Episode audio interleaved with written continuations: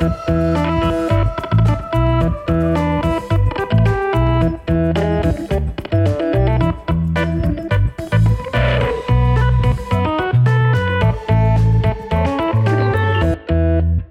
Hallo, goedemorgen, goedemiddag, goedenavond, of wanneer je dit ook luistert. Welkom bij de Brief, de podcast over content, marketing en media. Uh, vandaag is het uh, 27 maart 2020. Dat betekent dat het weer tijd is voor een editie van Briefly, onze thuiswerkers-editie van de Brief. Uh, dit is alweer afleveringetje nummer 7. Dat betekent dat we zeven hele dagen en wel meer een stukje alweer weer thuis zitten, want vandaag is het alweer vrijdag. Aan de andere kant van de lijn, mijn waarde vriend en co-host van de show, Matthijs Tielman. Hallo. Hallo Matthijs. Het zit er bijna op, hè? Nog 35 minuten. Precies. Het is half vijf. Dan gaan we bier drinken. Een bier drinken. Hoe, uh, hoe was de vrijdag? Uh, gemixt. Ik had de ochtendshift. Wat ik gisteren al zei, de ochtendshift is goud. Uh, daarvoor verwezen hardlopen. Dus dat was echt, ik was er helemaal klaar voor.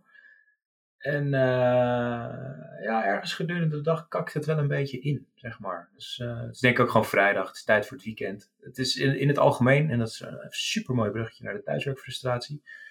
Ik merk dat ik gewoon best wel, best wel moe ben van, van het, het multitasken de hele dag. Ja. Het is echt vermoeiend. Herkenbaar, man.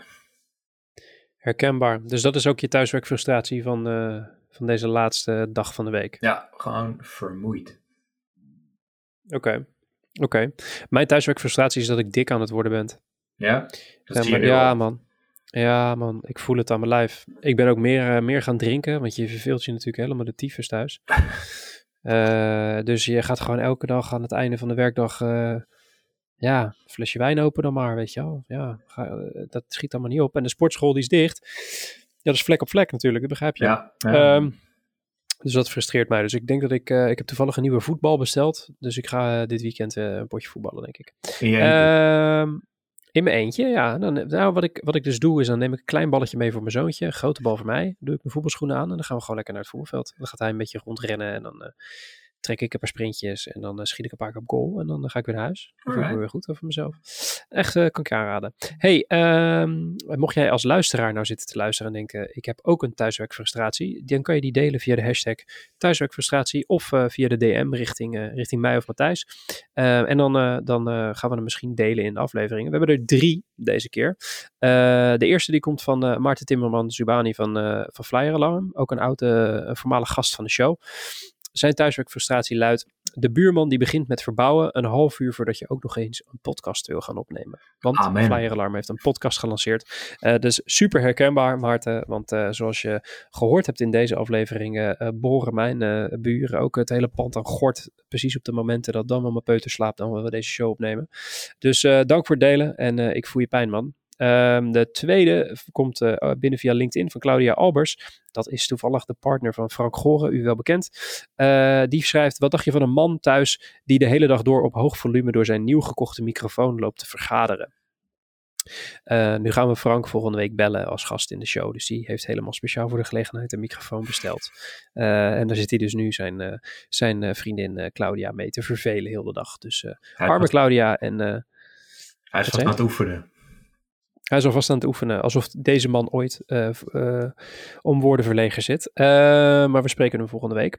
de laatste, die komt ook van een bekende van de show, van Arne Stierman van Born of Five, de, de brenger van de allereerste thuisfrustratie. Dat is namelijk de frustratie die we vonden via Twitter. Dat is, fuck, ik besef nu dat bijna al mijn pakketjes standaard op kantoor worden bezorgd.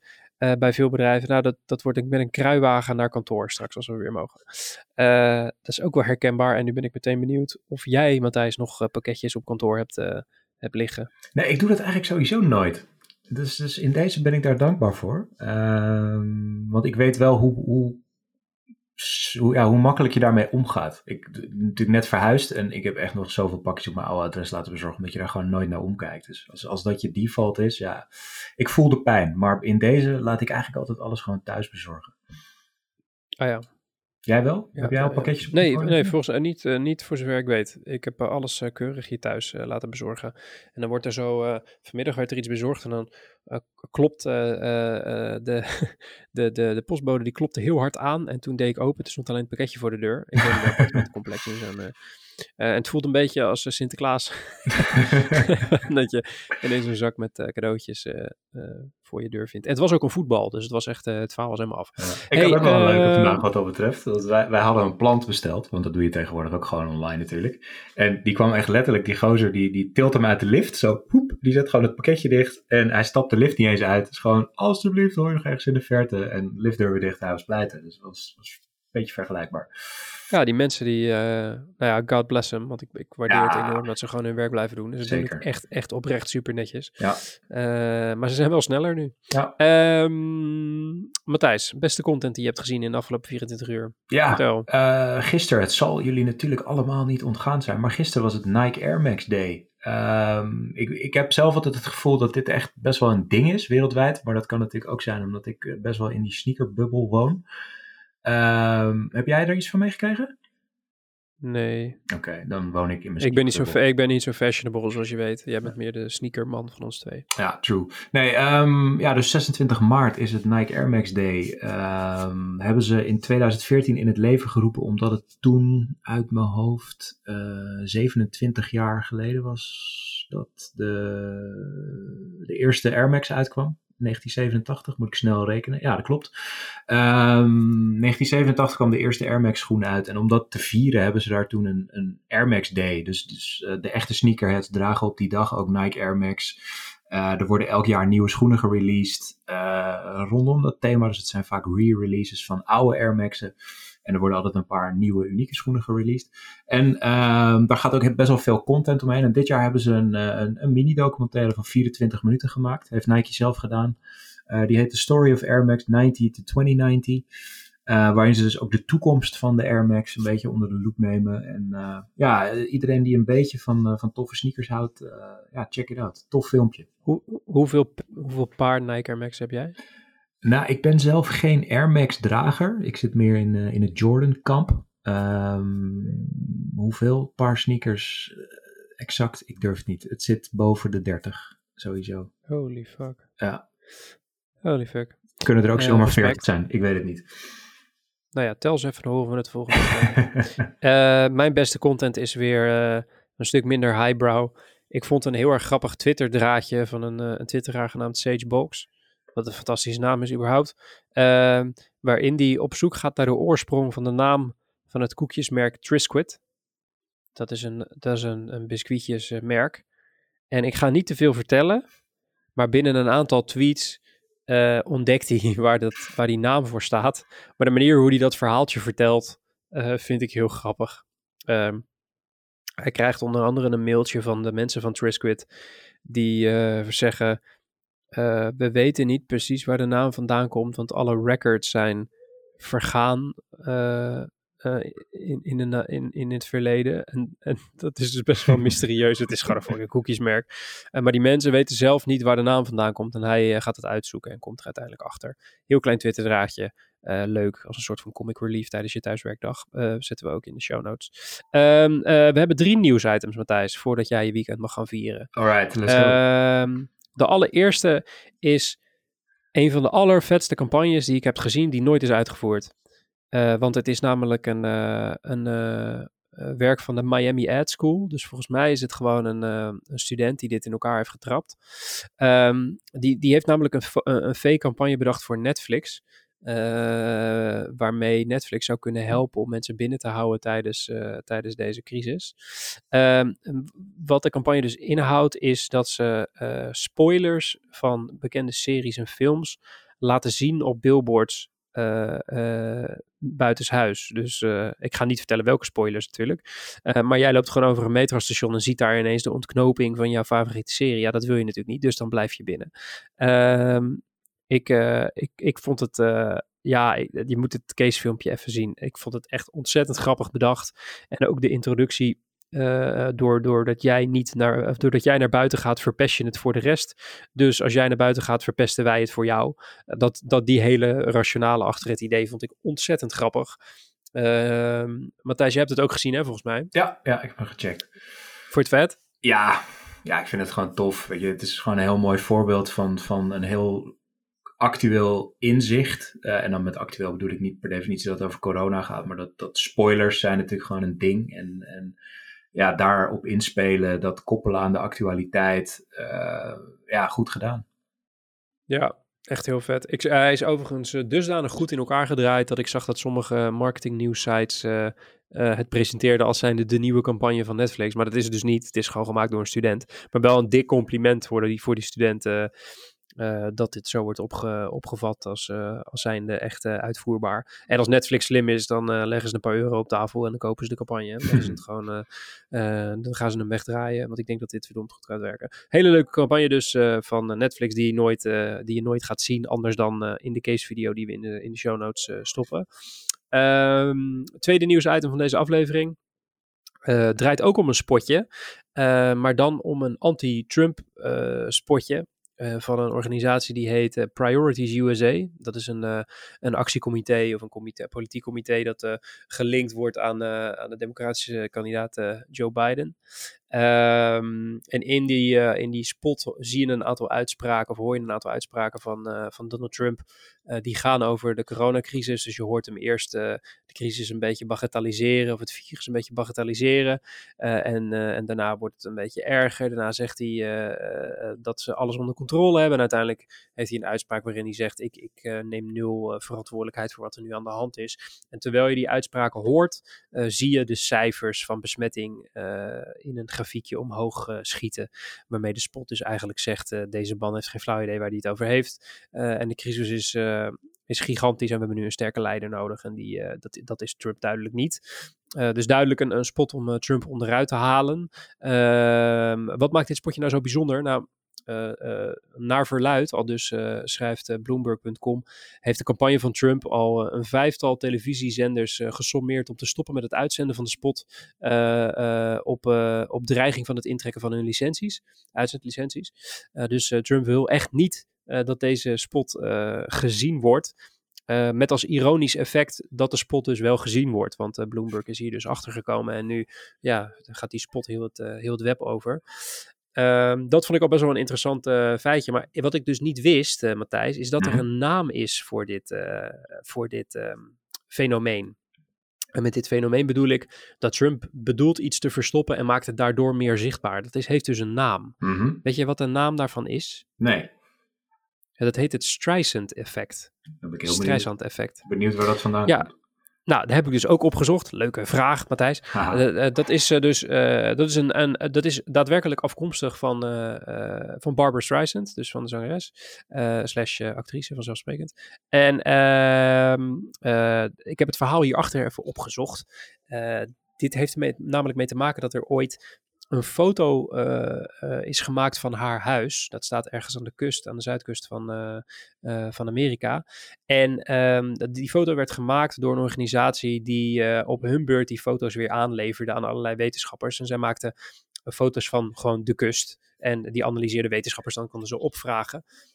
en toevallig stond dat huis daar. Uh, dus uh, dat was puur wetenschappelijk bedoelde foto. En die foto was in totaal uh, zes keer opgevraagd. En van die zes keer, volgens mij vier keer door de advocaten van mevrouw Streisand zelf. En, en twee keer door nog wat andere mensen. Dus ofwel die foto werd nagenoeg door niemand gezien. maar mevrouw Barbara Streisand maakte er wel een heel probleem van. Die zei namelijk, ja, op die foto is te zien hoe je mijn, hoe je mijn pand, mijn privéhuis binnen zou kunnen dringen. Dus dat is, ja, infringement of my privacy. En uh, daar uh, ga ik je voor aanklagen, meneer de fotograaf. Dus die kreeg een enorme claim aan zijn broek. Hele hoop hijsen om heen. Ja. Maar wat er natuurlijk gebeurde was, door die, uh, door die rechtszaak werd die foto ineens super bekend. Dus die foto werd in plaats van twee keer nu ineens overal en nergens werd die foto afgedrukt. Dus iedereen uh, kon die foto, uh, en dit speelde zich allemaal af in 2002, kon die foto ineens zien. Dus ironisch genoeg maakte mevrouw Streisand ja, eigenlijk de, de, de foto alleen maar bekender door er uh, tegen te soeën. Ja. En uh, wat ook nog eens uh, hilarisch is, is dat ze de uiteindelijke rechtszaak heeft verloren. En dat ze dus ook nog eens 115.000 piek aan legal fees van, van die fotograaf moest betalen. dus, en dat, heet dus, dat heeft dus uiteindelijk als effect gehad dat ze dat het Streisand effect zouden zijn gaan, gaan noemen.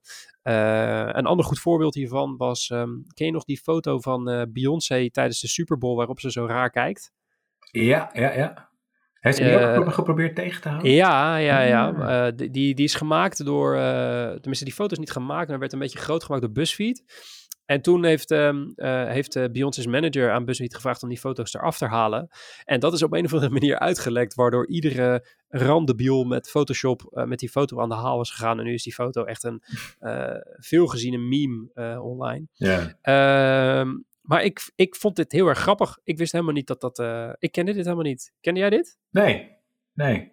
Maar wel, ja, ergens is het natuurlijk, ik hoop in wetenschappelijke termen dat het een reproduceerbaar effect is. Barbara Streisand verliest de rechtszaak. Laten we hopen dat uh, Donald Trump hierdoor de, de elections gaat verliezen.